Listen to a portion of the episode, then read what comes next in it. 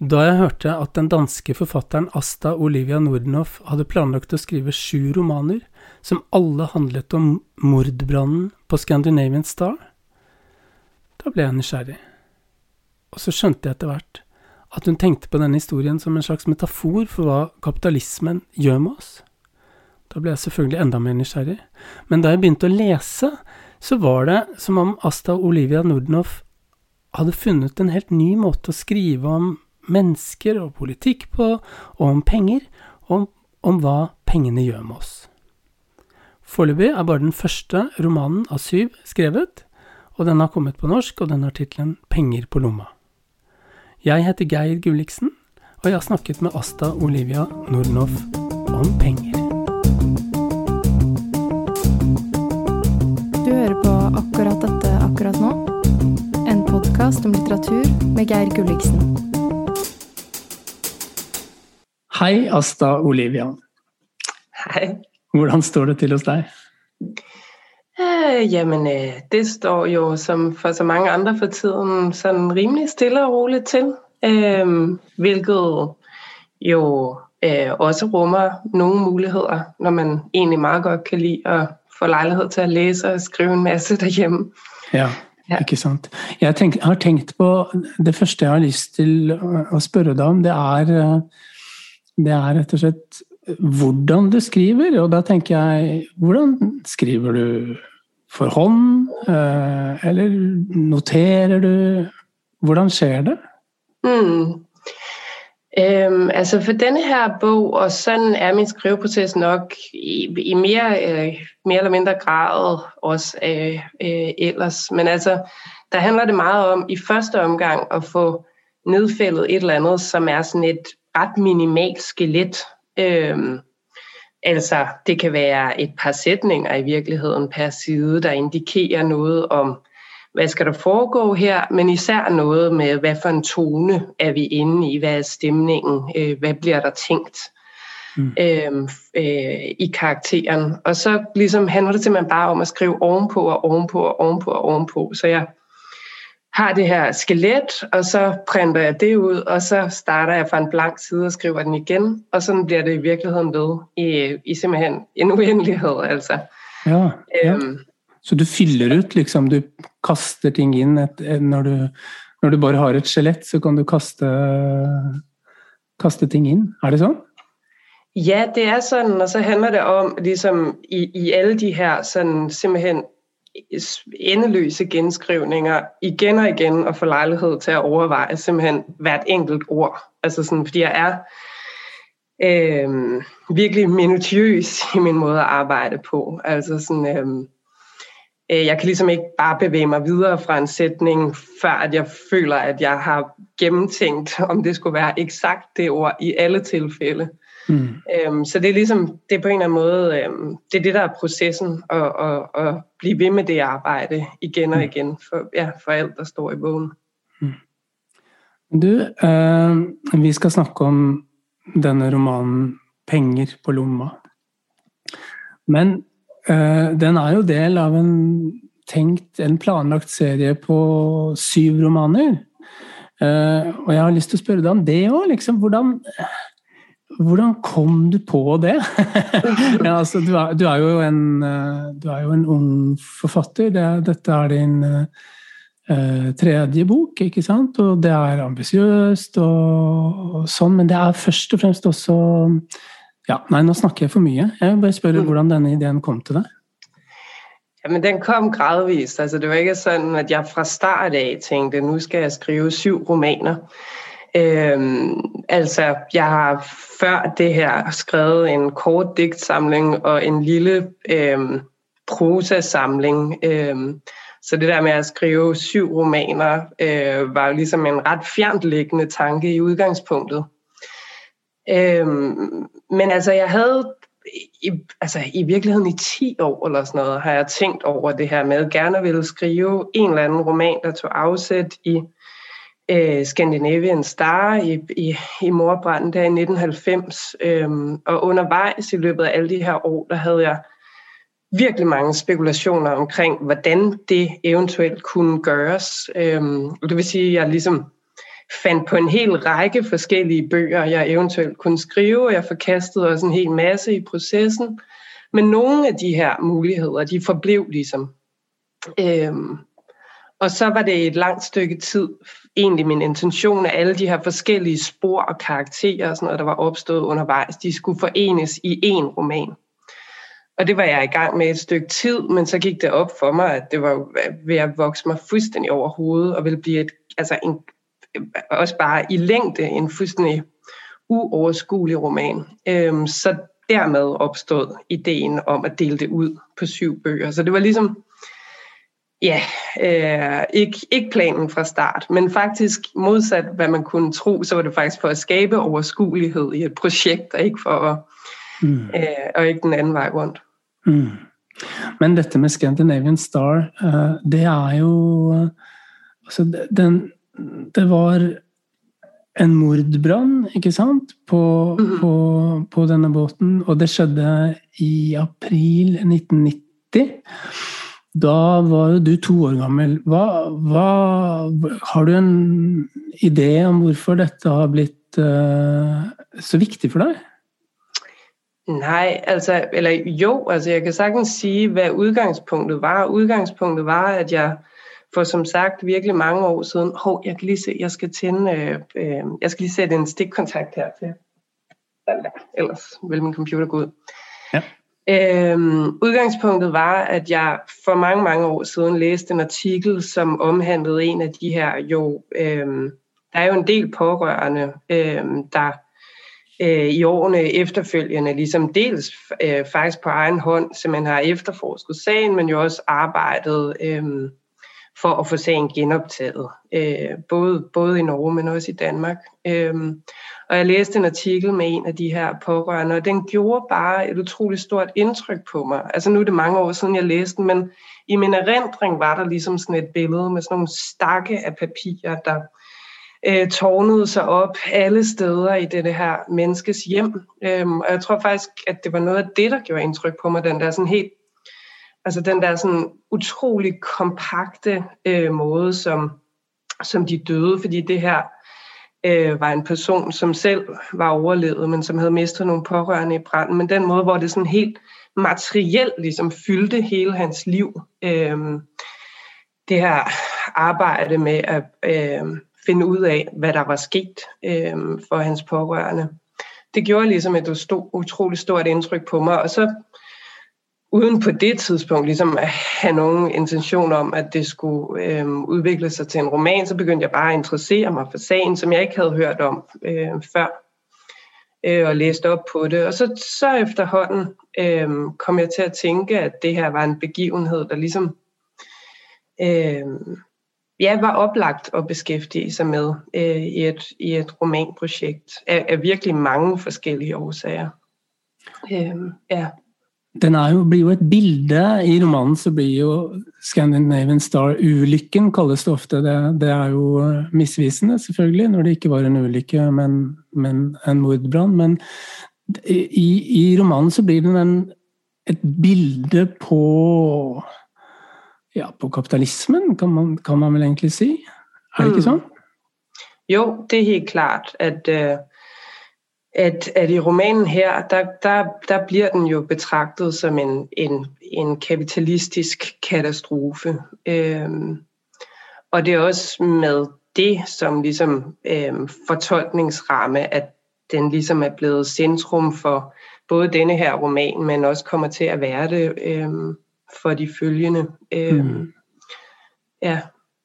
Det står et sted i romanen i, um, Eh, om, om Scandinavian Star, så står det Døden er ikke en feil, den er en del av ordningen.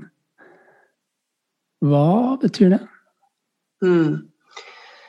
Øhm, jamen altså, i romanen her, der kommer det udsagn jo efter, at man ligesom, øh, altså Øh, altså man kunne jo ligesom sige, at, at øh, ja, der er en del mellemregninger her. Ikke? Altså i forhold til den konkrete sag, der er det min øh, overbevisning, at det er var et udslag af forsikringssvindel, men det er jo klart, at det er øh, til diskussion. Det står fortsat til diskussion. Øh, men altså, det, det forudsætter jeg er korrekt, og uanset om man forudsætter, at det er korrekt, så er man jo i hvert fald fuldstændig sikker på, at forholdene, altså sikkerhedsforholdene på det her skib, var helt håbløse.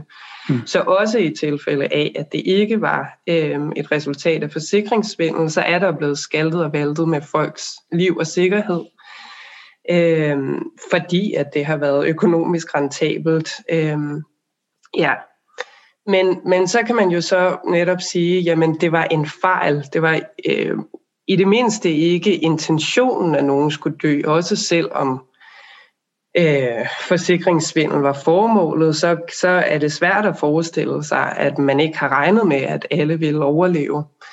Øh, men der vil jeg så ligesom gå skridtet videre og sige, at alle de her dødsfald, jo ikke bare øh, de 169 mennesker, der døde på Scandinavian Star, men de utrolig mange mennesker, der dør hver dag, øh, mm. som øh, følgevirkning af det kapitalistiske system, om det er en fabrikssammenstyrtning i Bangladesh, eller det er folk, der øh, dør af kraft efter at have arbejdet med ulovligt gjorte sprøjtegifte, den slags ting.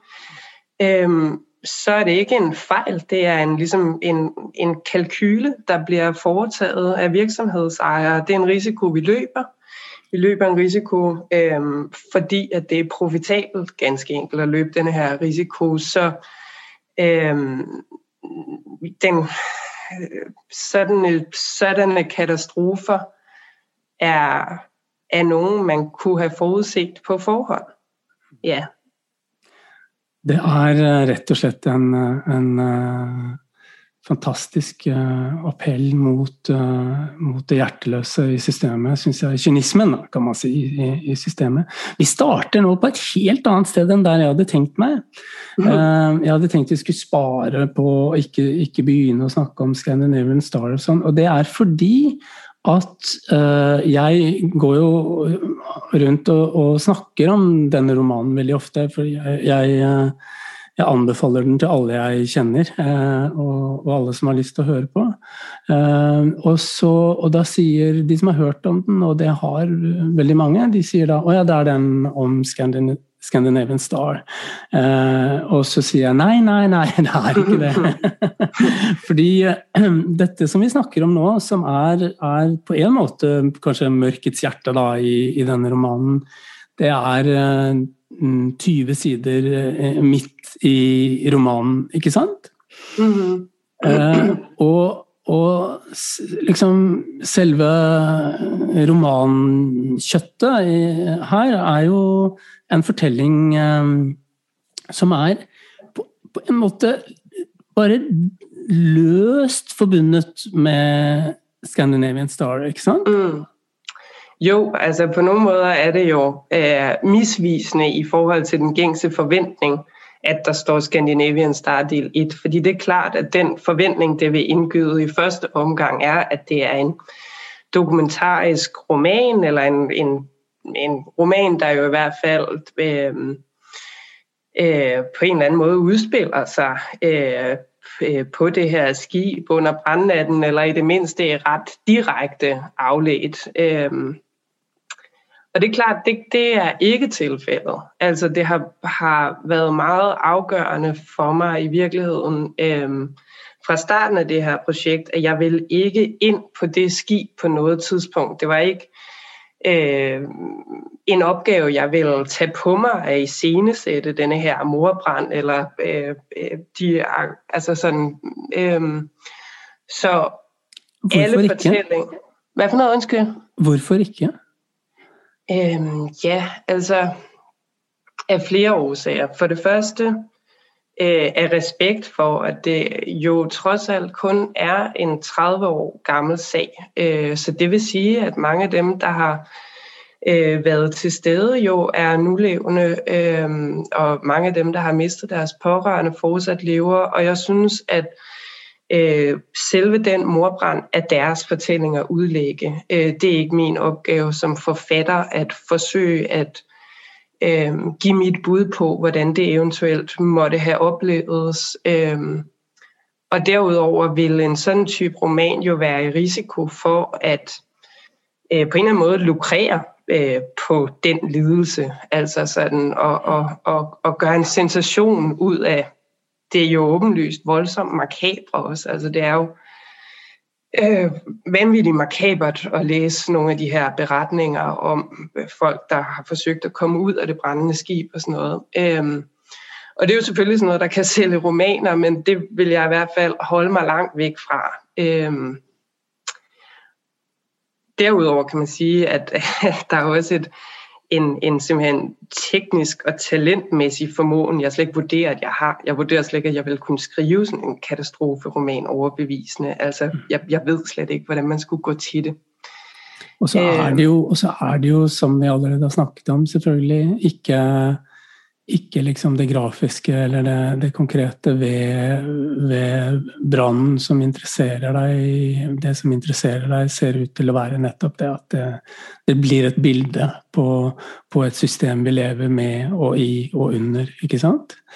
Precis. Altså, og, nå, det, og nå dro jeg oss Unnskyld, nå, ja, nå dro jeg oss tilbake til Scandinavian Star. Det jeg aller helst ville nå, var altså komme til hva er dette for en roman? Den er, eh, den er jo også, og kanskje mest av alt, en, en, eh, en slags kjærlighetsroman. Hva, hva, sier du hvis jeg sier det? Mm, jamen det synes jeg da altså på mange måder er korrekt. Altså det der øh, jo fylder mest i denne her øh, roman, det er jo øh, to hovedpersoner, Maggie og Kurt, og en fortælling om deres øh, liv. Øh, og, og, og deres kærlighed til hinanden. Og så er det jo så også tanken, at det også er en fortælling om, hvordan øh, økonomi, hvordan ligesom øh, større samfundsmæssige øh, forhold indvirker på deres mulighed for at elske hinanden, indvirker på deres mulighed for at leve livet. Ja. Øhm, det må vi snakke om. Uh, ja. uh, og det Ikke sant? Vi har Maggie, og vi har Kurt. Eh, men før vi kanskje går inn der, så vil jeg så gjerne snakke om eh, innledningen på romanen. Mm. Den har en, eh, en jeg-forteller som en dag sitter på en buss på Fyn og har stoppet et sted. Og så står det en, en eldre, hvithåret mann utenfor bussen og betrakter denne personen. Og så står det eh, en uhyggelig følelse av Jeg fikk en uhyggelig følelse av å transportere med meg videre noe som tilhørte han. Altså, mm. Det er en slags eh, Det er som om en, en slags eh, okkult overføring av, eh, av, en historie, på en måte? Eller, eller hva? Jo, helt klart. Altså, jeg, jeg tænker jo sådan set, at, at det er en slags øh, spøgelsesromans intro, ikke? Ja. Øh, hvor vi har en fortæller, der på en eller anden måde bliver besat, øh, eller får indført et eller andet fremmed læme, som er denne her mands fortælling, øh, som hun egentlig ikke ønsker sig, eller i hvert fald finder uhyggelig men som alligevel bliver øh, ved med at være der, og derfor ser hun ikke nogen, noget andet end alternativ end at vende tilbage og ligesom udfolde øh, det her fremmedlæme, der nu er blevet plantet i hendes krop ved et eller andet sært tilfælde. Ja. Ja, ja. Så, så hun vender tilbage, tager ja. bussen, øh, finder ingenting, tager bussen tilbage igen, og pludselig så må hun be chaufføren om at stoppe, fordi de kjørte forbi en gård som hun tenker Det er her, liksom. Det er her. Yeah. Uh, ja. Ja, denne her øh, mystiske mand må have boet her. Det er hendes konklusion. Ikke? Der er en eller anden energi, der emmer fra det her sted. ja, og da um, Jeg har et spørsmål jeg ikke klarer å la være å stille. og det er sånn um, Teknisk sett så vil alle som har arbeidet med litteratur, si at uh, denne jeg-fortelleren, som, som, er uh, forfatter, er jo ikke deg. Det er jo en, en forteller. Uh, men hvordan, opplever, hvordan, tenker du på det selv? Er det liksom deg, eller er det, eller er det en forteller? Åh, det er sådan et øh, svært afgørligt spørgsmål, som man jo altid ja. på en eller anden måde ender med at svare både ja og nej til. Altså Ja. sådan, Ja. Jeg spør klart, fordi, fordi det blir så viktig underveis. Altså, denne, denne fortellerstemmen går i en slags dialog med, med romanpersonene og, og, og sier på et tidspunkt også til Maggie at uh, noe sånn "For- Fortell meg hvordan det var, så skal jeg skrive det ned. Ikke sant? Jo, jamen det er en ret, må man sige, elastisk fortæller, der ligesom bevæger sig i, i nogle ret store spænd, ikke? fordi den fortæller vi jo netop øh, for introduceret fra start, som på en, en måde jo nærmest er lidt kitschet. Ikke? Altså det er sådan en slags mediedetektivfortæller, der ligesom øh, kommer på sporet af et spøgelse nærmest, eller sådan et eller andet. Ikke? Øh, men, men det greb indikerer jo en meget, meget stor afstand til karaktererne. Altså, øh, der er Mm. noget nærmest toget øh, ved, hvad det er for nogle karakterer, hvad det, er, hvad det er, der melder sig i det her underlige syn ved gården.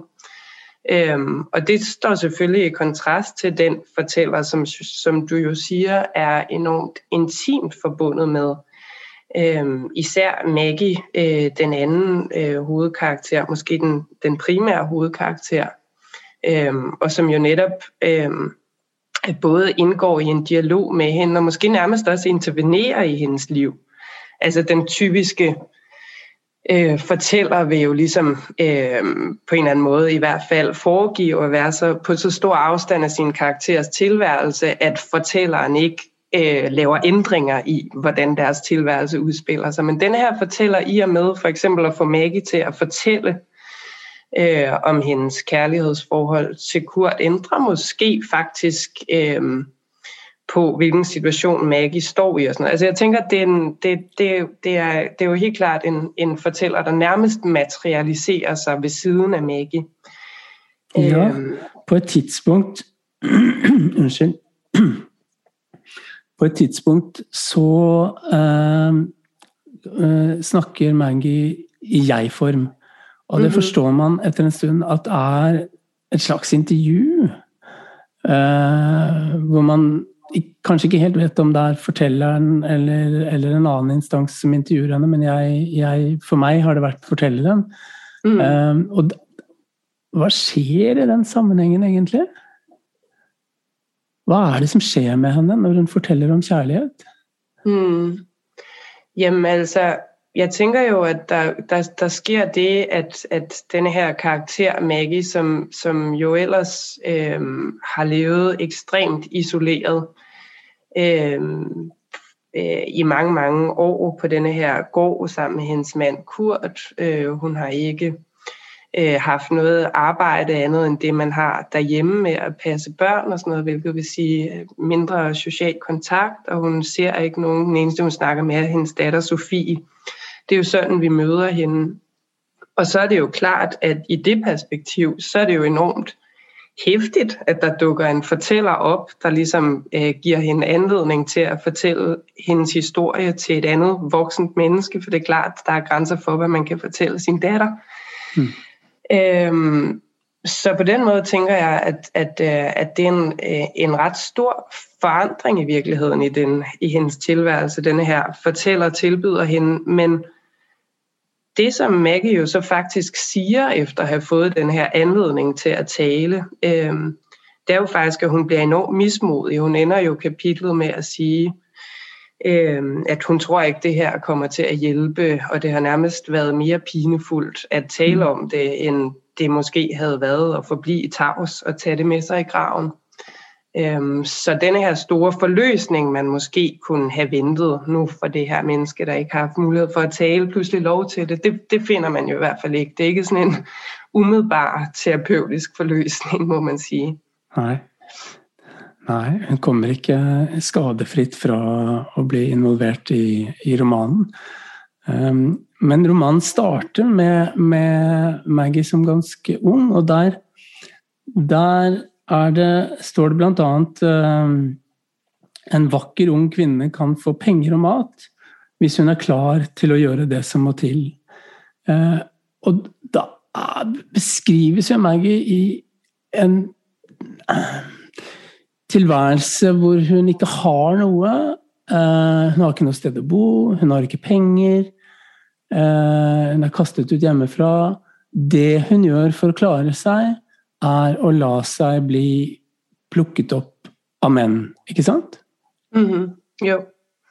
Jo, det er sådan, hun ligesom ernærer sig, altså, indtil hun så senere i livet møder Kurt og øh, bliver det, der jo hedder hjemmegående husmor. Men altså forud for det, så ernærer hun sig på to måder. Dels ved at indlede øh, øh skiftende forhold til, til skiftende mænd i kortere perioder, og, og dels øh, periodisk på forskellige øh, former for forsørgelse. Ikke? Så opsøger hun, hun kommunen, når det andet liv bliver for øh, uoverskueligt, og, øh, og omvendt, så, så, øh, så flygter hun så også fra kommunen, og hun synes, at formynderiet øh, bliver for uoverskueligt ved det. Øh, ja, så det er hendes to primære indtægtskilder, eller indtægtskilder er det jo ikke nødvendigvis, altså det er jo ikke sådan, at der går penge ind på kontoen, men hun får mad og, og husly øh, hos, hos de her mænd. Ja. Ja, ja.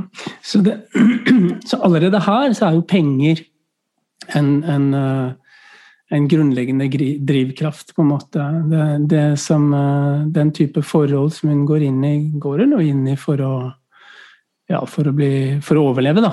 Ikke sant? Mm, jo, helt Ja. klart. Altså, Ja. Det, det øh, tænker jeg så absolut ligesom bliver meget definerende for hendes liv, at, at hun jo, i og med at hun ikke har nogen arbejdsgiver i gængs forstand, altså, øhm, så bliver alle intime relationer jo på en måde arbejdsgiverrelationer, øh, hvor at hun arbejder med hele livet som indsats. Ja.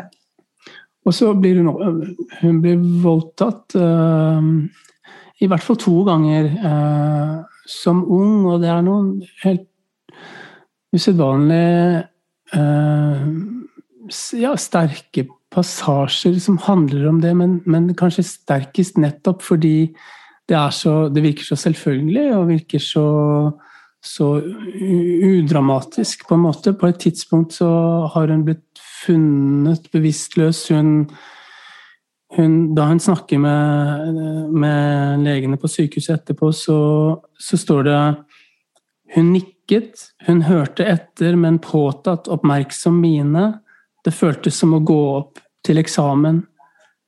Altså, de forteller henne om hva som har skjedd med henne, og hun forsøker å late som om hun syns det er interessant og viktig. Er det, ikke, ikke sant? Jo. Jo, altså hun er modsat dem jo simpelthen bare med det samme optaget af at komme videre. Altså, det er slet ikke en mulighed for hende at dvæle ved den form for lidelse, øh, og hvis hun gjorde det, hvad ville der også ske? Altså hun har ikke, hendes liv tilbyder ikke den mulighed, at hun kunne sætte sig ned og græde. Så det eneste, der interesserer hende, det er at komme ud og videre og få råd nogle cigaretter og hurtigst muligt forsøge at glemme det her. Øhm, og, og det her, ja, altså de her informationer, som det her personale på hospitalet kan give hende, oplever hun jo i virkeligheden som, altså hun føler jo i virkeligheden, at hun står skoleret, altså at hun skal, Øh, at hun skal øhm, tilfredsstille deres idéer om, hvad et voldtægtsoffer er, øh, men ikke for hendes egen skyld, for ligesom øh, at på en eller anden måde være korrekt i deres øjne. Ja. Og det er det samme når, når hun søger om støtte eller, eller for, får- hjælp til at klare sig fra kommunale instanser, så, så står det også det er en handel, det vet hun. Å, f- å få kjærlighet Å få kjærlighet av de voksne fra kommunen, det er en handel. Det er det Mm. samme som Eller hva? Er det det samme som skjer der, på en måte? Ja, altså jeg tænker jo, at hun ligesom netop fra en ung alder øh, bliver en, en meget, meget dygtig performer. Øhm, altså fordi hun ved, at, at der er nogle helt bestemte øhm, måder, man skal fremstille sig selv på for at vække sympati. Øhm, og for at ligesom at afgive de øh, signaler, der skal afgives, sådan, så man ved, at man får den hjælp, man sidder og håber på, man kan få i det her tilfælde, håber hun på at øh, midlertidigt at kunne få tildelt et værelse. Øhm, så hun, hun, spiller, øh, hun spiller spillet, og sådan oplever hun det også selv. Øhm, og, og, og det samme kan man jo sige, at hun gør i sin forførelse af de her mænd. Det er jo også et, et slags drama, som hun spiller. Mm. Øh, og det ved hun også godt selv. Øh, men det er jo også altså, et drama, hun kan have en vis øh, fornøjelse ved, eller føle en slags tvetydig øh, magt i forbindelse med. Fordi hun i, i det mindste har den her følelse af, at hun ved, hvordan man skal gøre. Altså hun er dygtig til det. Øh, og det giver hende jo en følelse af, af, af magt midt i, i den totale øh, magtesløshed. Ja. Og så bliver hun sammen med Kurt. Ja. Og han Uh, hans historie får vi jo også da han blir sammen med Maggie. Er han gift og har et barn? Uh, men før det får vi etter hvert vite liksom, at uh, han fikk et barn allerede som 18-åring. Mm -hmm.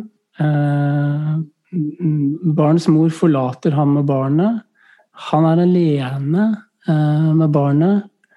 Eh, må finne ut hvordan han skal gi det mat. Vet egentlig Det, det står noe som jeg syns er utrolig bevegende, egentlig. Sånn uh, Kanskje fordi jeg er far, men kanskje jeg hadde gjort det, opplevd det som like sterkt uansett. Det står først nå som barnet er uten mor, forstår han ordentlig at det er i live, og at det er et hjerte som banker der. Sånn. Han blir liksom Han er en, i utgangspunktet en helt vanlig, litt fjern type som har tilfeldigvis blitt far, men så i det øyeblikket han er alene med barnet, så, så blir han på en måte både mor og far. Er det sånn? Ja, altså det, det tænker jeg, at først der bliver han, i og med at han bliver klar over, at det lige pludselig er hans ansvar, at det her barn fortsætter med at leve, så bliver han også klar over, at det er i live. Altså, øhm, ja, og jeg, og, og, og jeg synes også selv, altså det lyder måske lidt mærkeligt, når man, når man skriver det selv, men man får jo også en, en form for relation til sine karakterer. Øhm, og, og, og jeg synes også selv, det var altså den, de der skildringer af Øh, af, af Kurts øh, kærlighed der til, øh, til sit første barn, synes jeg også er virkelig hjerteskærende, altså fordi at han jo, øh, jo kommer til at, at elske det her barn øh, øh, helt utrolig højt, øh, og, og føler sig så øh, mislykket over, at, at det, det ender med ikke at, at, at kunne lykkes ham og forsørge det. Ja, vi ser ham... Uh vi ser ham da gå til et barnehjem og, og, og gi fra seg barnet sitt. Det er en helt utrolig forferdelig passasje å lese, rett og slett. det, um, men, men, dette kommer jo på et tidspunkt i romanen hvor vi har møtt uh, Kurt på en helt annen måte. fordi mm. han er jo Dette er noe av det som, virkelig, som jeg syns virkelig er påfallende i din måte å skrive på. Han er jo han er jo en mann som slår. Eh, han er en mann som antagelig voldtar, eller kan i hvert fall tvinge seg til sex på en måte som eh, eh han, han er eh, fra den der tidlige kjærligheten med Maggie, så, så skjer det noe med han hvor han Ja, det han, han, er øh, ganske hard, da, kan man si det? Mm. Han, er, han er på alle mulige måder øh, vildt brutal over for hende, altså, og, og forgriber sig jo både, både fysisk og, og måske især og, og mest alt dominerende øh, psykisk jo, på hende. Altså, øh, så så i, i relation til hende øh, er han jamen, jamen ganske enkelt helt forfærdelig. Altså, øhm, og det er jo netop, som du siger, også romanens opbygning, at øh, altså også rent kvantitativt, så følger vi i, i mest Maggie. Øhm, så vi er i det meste af romanen fortrinsvis introduceret for Kurt gennem hendes blik øhm, og, øh, og forstår, hvilken, hvilken øh, brutal kæreste han har været. Øhm, og, så, og så først øh, forholdsvis sent i romanen forflyttes perspektivet øh, så, så til, til ham. Ja. ja.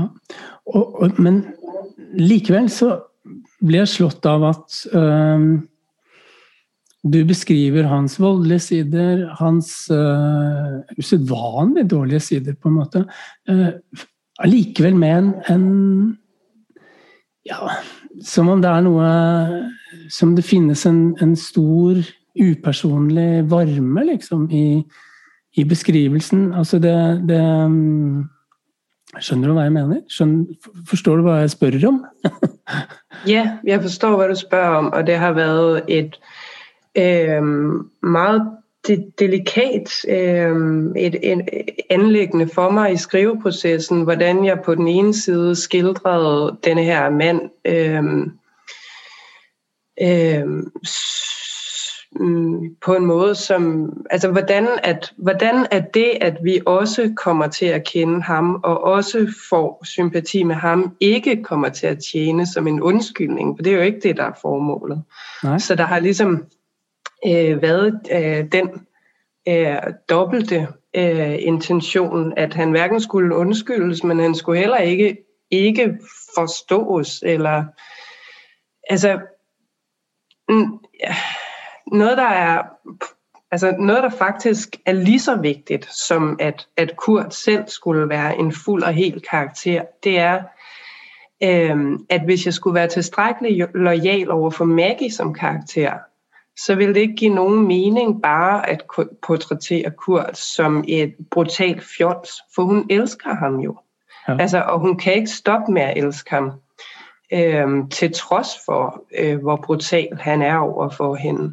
Og hvis jeg ligesom skulle være lojal over for hendes perspektiv, også lojal over for, hvad det er for en smerte, øhm, hun sidder med, hvad det er, der gør det så umuligt for ham at forlade ham, øh, for hende at forlade ham, så bliver jeg nødt til også at portrættere ham som et fuldt og helt menneske. Ellers vil ikke bare han, men faktisk også Maggie blive en parodi.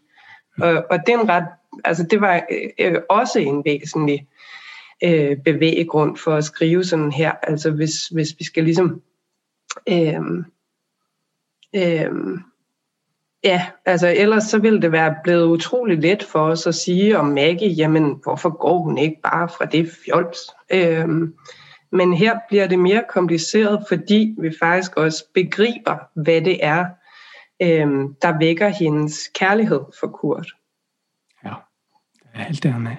Og jeg synes dette er veldig opsigtsvækkende på en måte, fordi vi er jo vant til at i alle mulige slags fortellinger så, så kan man ha en voldelig mann eller et eller annet. ikke sant? La oss si det. En voldelig mann.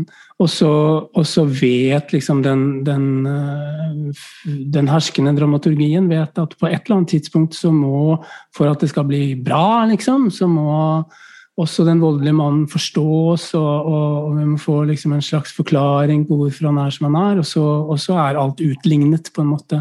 Men det du gjør, er noe helt annet. Det er en helt annen type optikk. Er du enig i det?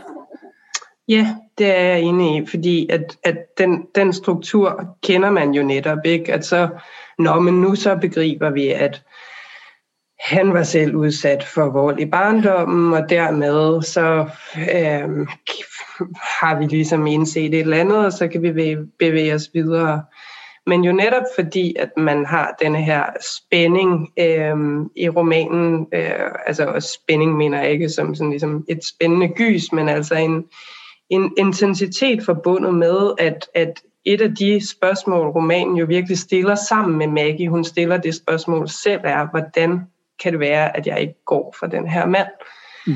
Øhm, og, og det forbliver jo i virkeligheden bare uafklaret for hende. Altså hun forbliver øh, øh, i en total frustration. Altså på den måde må man sige, at der er ikke, der er ikke nogen forløsning. Altså sådan, det er ikke sådan, at øh, hverken hun eller læseren til sidst forstår Kurt, og, og så kan alle komme videre. Det er, hun, hun dør jo simpelthen i, i total frustration over øh, ikke at kunne finde ud af, øh, hvad det var, der gjorde, at hun øh, lod sit liv øh, forpeste af denne her kærlighed.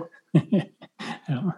Og Maggies død, den skal vi egentlig ikke snakke om, tror jeg. Det er en fantastisk, utrolig nedbrytende lesning å se Maggistud fra, fra Kurts eh, perspektiv, altså. Men, eh, men det er det er veldig interessant å se hva du gjør med, med, denne historien. For det finnes jo en varme her som er en Jeg har sett at folk har brukt ord som omsorg eh, og ømhet eh, for personene i denne romanen, og den er jo helt påtakelig. Men det er akkurat det som du nettopp sa, at denne omsorgen blir utligner jo ikke det som er problematisk. Den nesten bare forsterker eh, problemene. Mm. ja.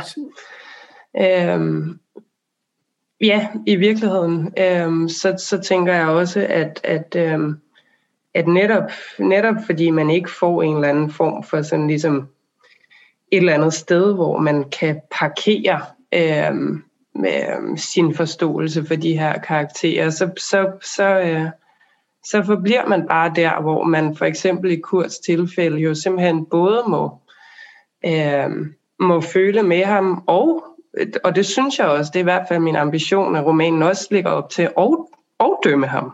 Altså begge ja. dele simpelthen på en gang. Nettopp.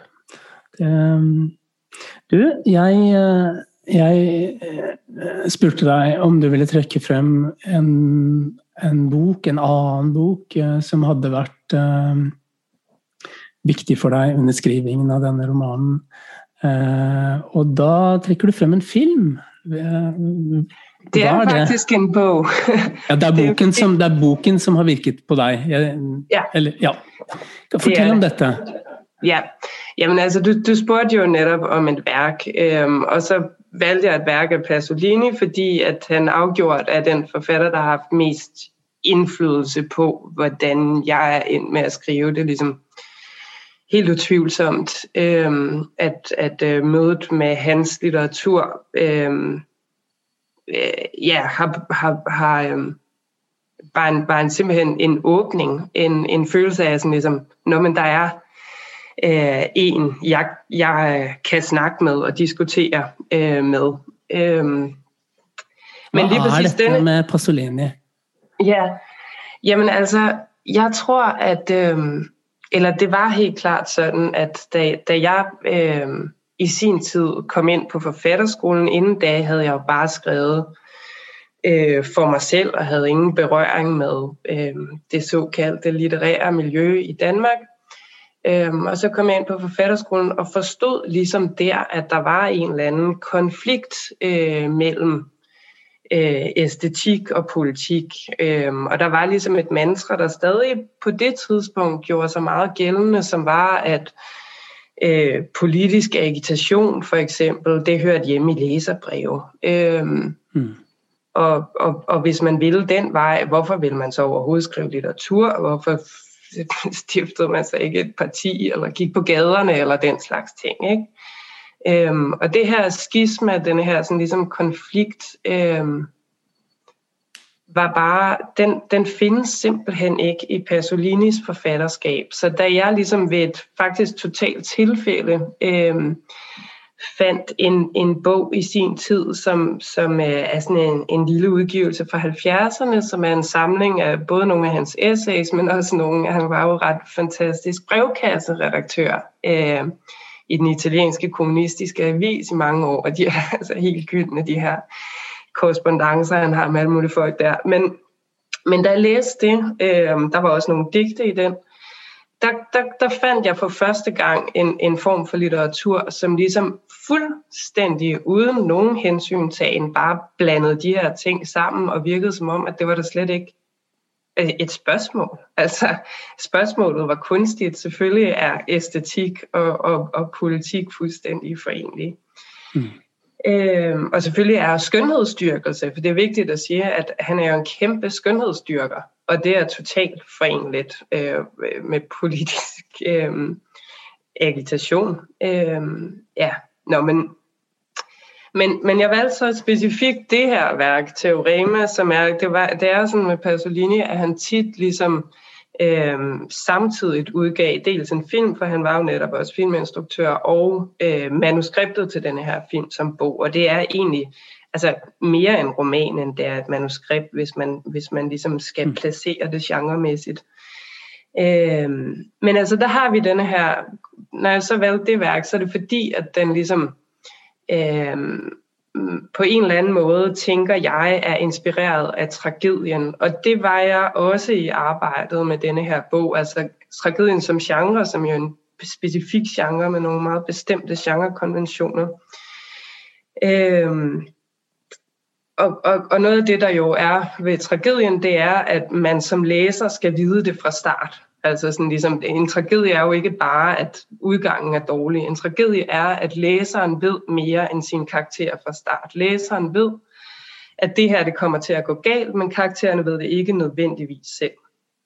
Og det er, at Teorema er sådan en slags bog, øhm, på en tvetydig måde. Men altså, der er den her borgerlige familie øhm, øh, i Milano, og de får besøg af en mystisk gæst øh, denne her gæst øh, kan tolkes på alle mulige forskellige måder.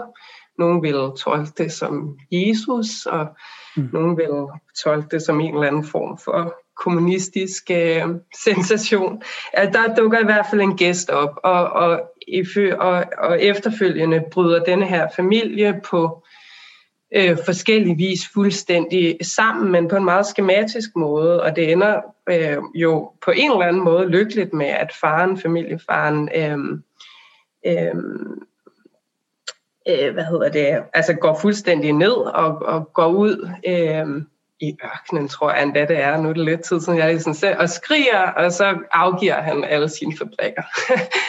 øh, men altså, Øhm, I hvert fald, jeg valgte den, fordi at, at, øh, at, at denne her øhm, tragedie, altså en begivenhed, indtræffer, og den kommer til at øh, være styrende for karaktererne øhm, og have et bestemt resultat. Det, det har faktisk været en, en, en faktor, der jeg har skrevet her. Jeg har også læst en hel del andre bøger, der så øhm, har sådan et cirkulært greb, hvor man kan sige, at slutresultatet indleder bogen. Mm-hmm. Øhm, Doris Lessings debut, Græsset synger for eksempel, der har man en, man finder en kvinde dræbt i starten af bogen, og resten af bogen udruller, øhm, hvordan det nu kom til at ske, og så ender vi ved, ved den dræbte kvinde igen. Og den type øh, romaner har jeg, har jeg interesseret mig for, fordi at jeg faktisk synes, at tragedien som genre øh, jo faktisk er ret velegnet til at beskrive kapitalismen, altså øh, eller beskrive øh, kapitalismen som et, et, et vilkår for livet. Altså, vi så at sige vågner og, og ved godt, at, øh, at, øh, at det kommer til at, at ende, ende med en katastrofe. Mm. Øh, og samtidig kan vi ikke øh, finde ud af at handle os ud af det. Altså ligesom den tragiske karakter jo handler, styrer lige mod katastrofen, og det, den tragiske karakter kan bare ikke stoppe. Altså sådan ligesom, katastrofen er på vej, men der bliver bare reddet i fuld galop imod den. Ikke? Øh, og det tænkte jeg egentlig var måske faktisk det, den, den fortællemåde, der allerbedst øh, øh, kunne beskrive det, jeg gerne ville. Ja, det forstår jeg godt. Og når du betoner liksom eh, både det politiske og, og skjønnhetsfascinasjonen eh, hos Pasolini, så, så, tenker jo jeg at du på en måte også beskriver deg selv, da. Av det du har gjort i denne romanen. Ja, men det, var, altså det er jo klart, at, at nogle af dem, altså de forfatterskaber, der bliver, eller det kan være sige for mit eget vedkommende virkelig væsentligt for en. Det er jo selvfølgelig, fordi man der finder en vej, altså at nogen præsenterer en for en måde at skrive på, hvor at de formår at forene nogle af de ønsker, øh, man selv har for, for øh, sin egen skrift. Ja. ja. Men du beskrev nå hvor ganske kompliceret og, og vanskelig det var å ville tenke og skrive politisk da du gikk på forfatterskolen, og så fant du da denne gamle, for lengst døde italieneren eh, Pasolini som, som hjelp, på en måte. Men er det lettere nå? Er det noe som har endret seg? Hva tenker du om det? Det tænker jeg er helt afgjort. Altså, øh, man kan sige nærmest i modsætning til, så, så, så er det jo øh, regnet øh, også på avisredaktionerne og sådan noget for, for et gode nu. Man har et begreb, som jeg egentlig stiller mig en lille smule øh, skeptisk over for, selvom jeg nogle gange kommer til at anvende det selv af mangel på bedre, men man snakker sådan ligesom om aktivistiske forfattere, i Danmark i hvert fald nu. Øhm, så det er helt klart, at scenen er, er på alle mulige måder øhm, øh, skiftet, øhm, hvor man har især, især øhm, masser af, af den yngre generation, som, som jo ligesom er helt uforfærdet øh, panorerer rundt mellem øh, det, der tidligere ville have regnet som rent politisk eller rent øh, øh, diskuterende materiale, og, og, og så mere traditionelt, eller traditionelt, det kommer også an på, hvornår man skældner, ikke? men altså øh, litterært stof, ja. Mm. Der er um, Ja, det, det, øhm, Jeg vet ikke hva jeg skal si. Jeg, jeg, jeg syns det du har gjort er så utrolig vellykket og så, så, utrolig bra. Og at det på en måte overskrider uh, mange ting som virket vanskelig å få til. Vanskelig Hvis man skulle beskrevet din roman uh, som noe noen burde skrive, så tror jeg at jeg ville sagt det tror jeg kanskje ikke går. men, det, men ja, det, den følelse kan... havde jeg altså også selv ja. rimelig mange gange undervejs. Ja. ja. Men, eh, men, eh, når man beskriver den i ettertid, så ser man jo hva det er. Nei, det er veldig, veldig veldig fint gjort, altså. Du, um, du, du skal lese en passasje. Um, ja. Hva leser du da? Jamen, nu læser jeg op fra, som, som du sagde, så sådan ret tidligt i romanen får man det her længere tilbageblikskapitel, øh, som hedder Hændelser i Maggies ungdom, som består af en række sekvenser øh, fra hendes ungdom. Og jeg læser to af de her øh, kortere passager op. Øh, ja. Hun tager en taxa og fylder kabinen ud med en tung duft af ravgul parfume. Fremme i lejligheden giver manden, hun mødte et par dage forinden sig til at fremvise sin nye støvsuger. Han tænder for kontakten og holder røret frem mod hende se, hvor den suger, og for at gøre det endnu mere klart, sætter han røret mod sin egen arm og suger sin hud et stykke med ud. Maggie ved ikke, hvad hun skal forstå ved det optrin. Hun drikker af rødvinen, som sikkert er dyr, og bag hendes arrogante grimasse er det, som om bunden går ud af en spand, som om hofterne næsten ikke kan holde på vandet, latteren. Det er hendes plan at få lov at være her mindst en uge. Det skal udfylde et hul, der er opstået mellem andre muligheder. Hun er prisgivet. Det er klart, alle disse mænd med deres støvsuger og ludende hundeansigter, men hvad skulle hun ellers gøre? til arbejde på en fabrik, stemple ind klokken 5? Det vil aldrig kunne lade sig gøre. Det regulære arbejdsmarked har ikke noget rum for et menneske som hende, som indimellem skal bruge en hel dag på at græde eller ligge på en plæne og overrisles af angst der aldrig, aldrig ville kunne møde til tiden eller rigtig høre efter en besked. Der findes ingen arbejdsgiver, der kan bruge hende til noget, og desuden, hvis hun skal bruges, og sådan er loven, vil hun gerne bilde sig ind, at hun selv bestemmer, hvordan. I det mindste er der ikke rigtig nogen, der kan fyre hende. Hun er blevet fyret tre gange, to gange som barnepige og en gang som ekspeditrice efter kun et par dages arbejde.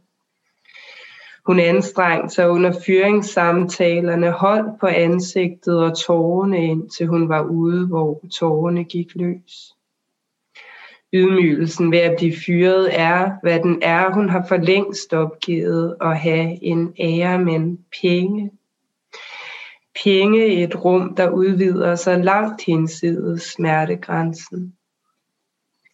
Den følgende morgen tager han på arbejde. Han er arkitekt åbenbart, viste hende nogle stregtegninger i aftes.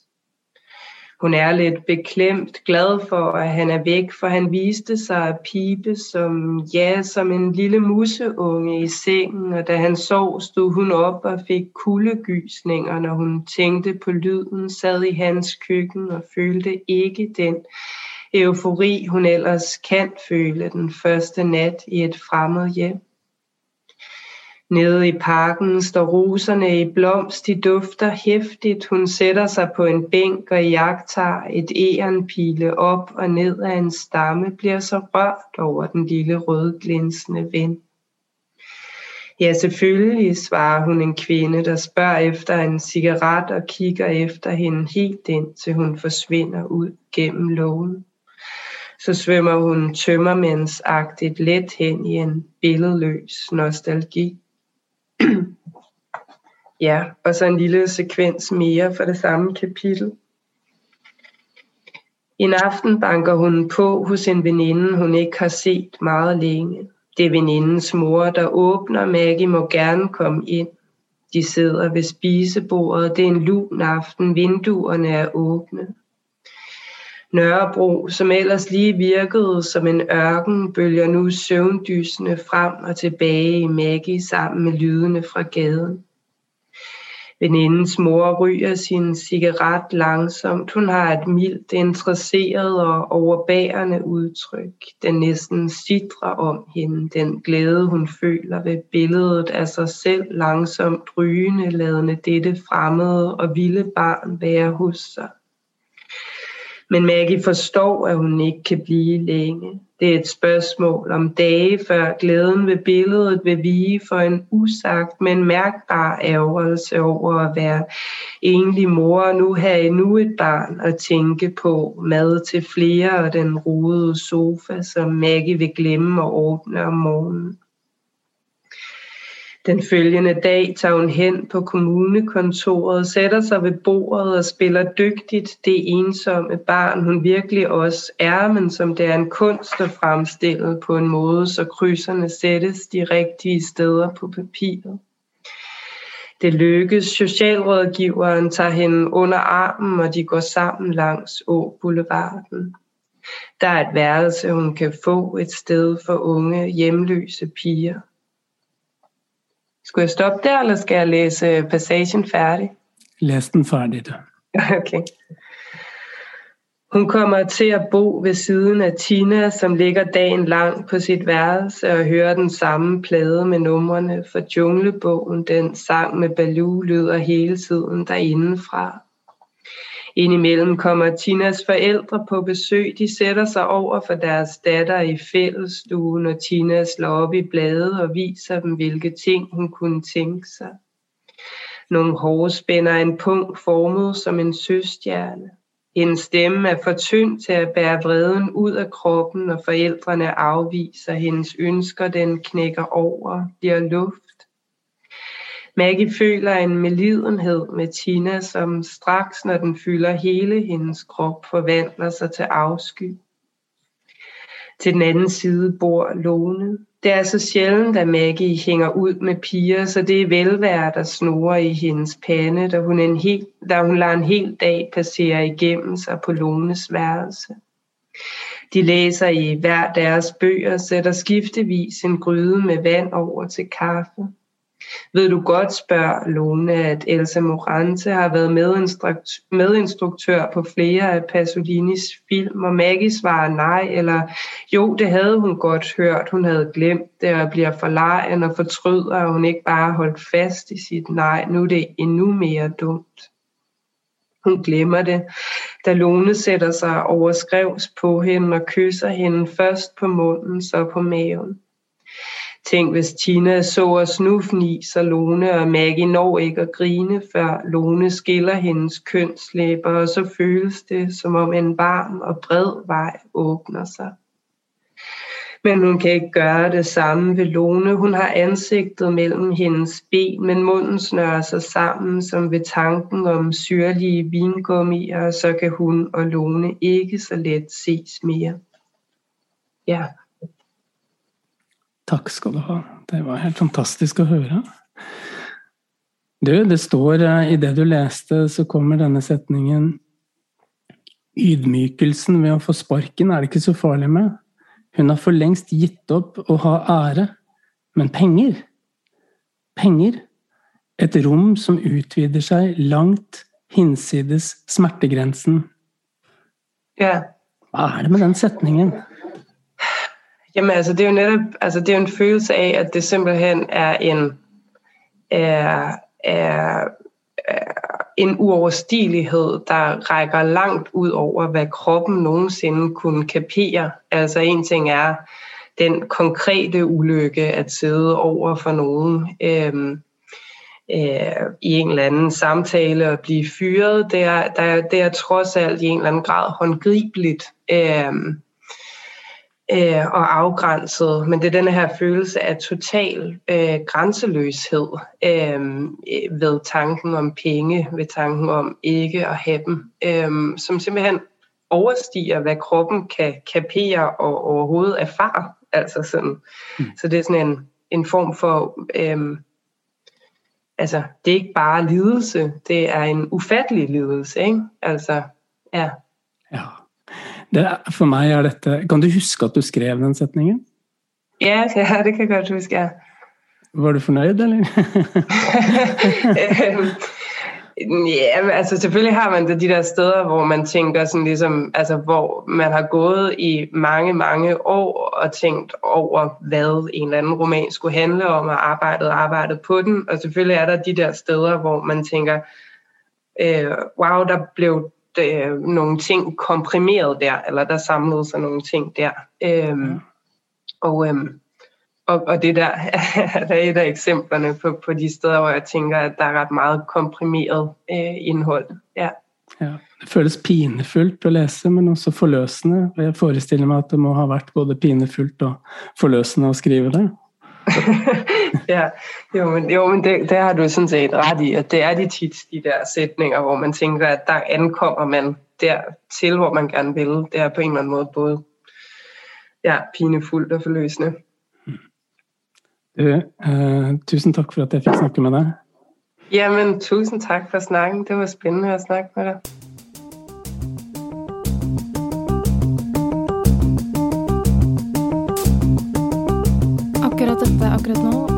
Podkast produsert av forlaget Oktober.